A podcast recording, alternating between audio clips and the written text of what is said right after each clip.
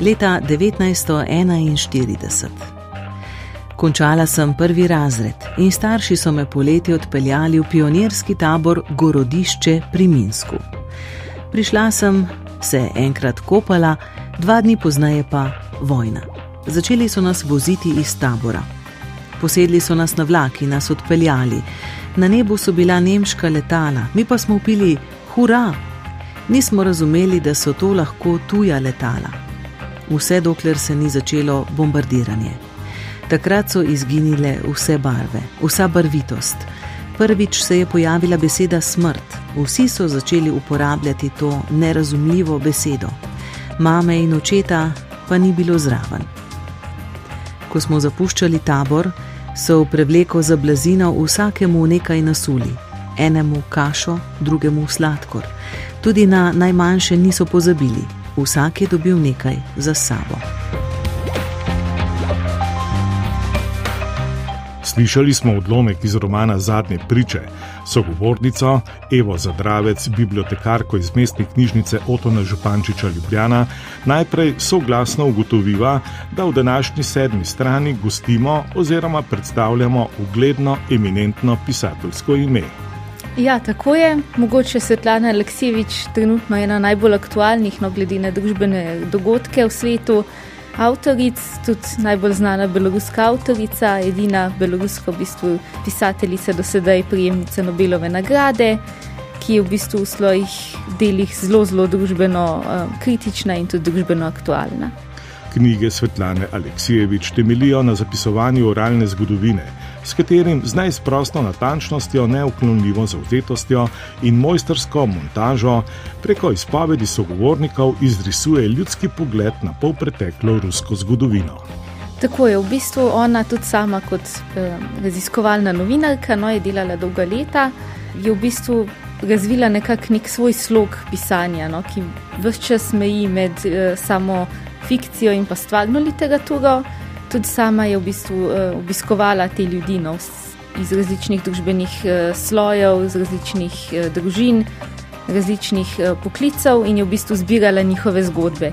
Te zgodbe je v bistvu potem združila v neko celoto, tako da se v bistvu roma, lahko bere knjiga kot roman, nek fragmentarni roman, kot v bistvu zbirko kratkih zgodb, kot uh, zbirko spominov na različne načine o čem govori knjiga Zadnje priče.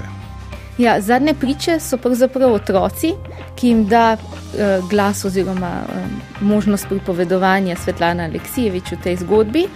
In sicer so to otroci, ki so bili v času um, druge svetovne vojne na območju Sovjetske zveze, stari nekje od 4 pa do 14 let. Potem jih je ona sic, uh, obiskala kot odrasle in, so, in jim dala možnost, da se spomnejo, da postanejo zadnje še živeče priče in da povedo svojo zgodbo. Gre za zelo težek, eh, težko zgodbo. No? Z, um, večina jih je ostala brez staršev, brez enega starša, brez vsega imetja. Uh, tako da so doživeli različne grozote, prisotno je bilo stradanje, bolezni, ampak vseeno nekako ostaja upanje, no? predvsem v tem, kako so jim na pomoč priskočili popolni tujci.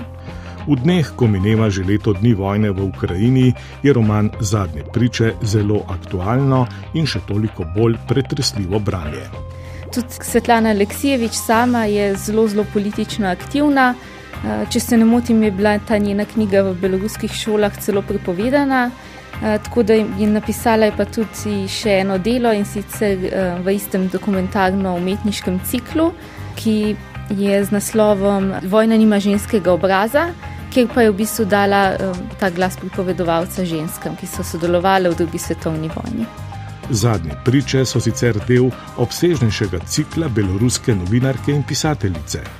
Tako je, ja, ona v bistvu celo svoje življenje in celo svoje pisateljsko delo posveča temu, da izpriča zgodbe drugih, ki jih v bistvu literarizira, oblikuje v neko um, celotno pripoved, tako da definitivno tudi gre za neko ljudsko izročilo oziroma ustno izročilo.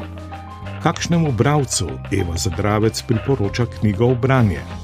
Definitivno gre za, kot smo že povedali, težko tematiko, tako da je treba biti kar previden. No. Ni, ni najlažja knjiga glede tako teme eh, in vsebine, ampak vsekakor je prava literarna poslastica, tako da bi priporočila vsem malo bolj zahtevnim bralcem, ki iščejo neko literaturo, ki ima moč, ki je družbeno kritična in avtorico, ki si upa zapisati zgodbe, ki so jih drugi v bistvu potlačili se posamezne zgodbe berejo kot novinarski prispevki ali Svetlana Aleksijevič med knjižnimi platnicami novinarski slog zamenja za pisateljsko pero. Sicer imamo občutek, da spremljamo neke kratke zgodbe, tudi forma samih zgodb je zelo kratka. Recimo v knjigi Zadnje priče večina zgodb ne zauzema več kot nekje stran in pol. So pa vsekakor te njihove zgodbe no, močno literarizirane tako da v bistvu samo branje je posebno tekoče kot pri romanu. In še pogled na knjižno polico sogovornice. Kakšne knjige najraje bere, jo pritegne predvsem bolj angažirana literatura? Tako je tudi sama, predvsem posegam no, po mečkam bolj zahtevnejši literaturi, po tistih avtorjih, ki si upajo nekako izstopati iz množice, tako po tematiki, po motiviki, kot tudi po samem slogu. Ehm, zelo no, pa eh, spremljam zadnje leta tudi slovenski avtorji in tudi mislim, da imamo pri nas čudovito ehm, literarno produkcijo zadnje leta.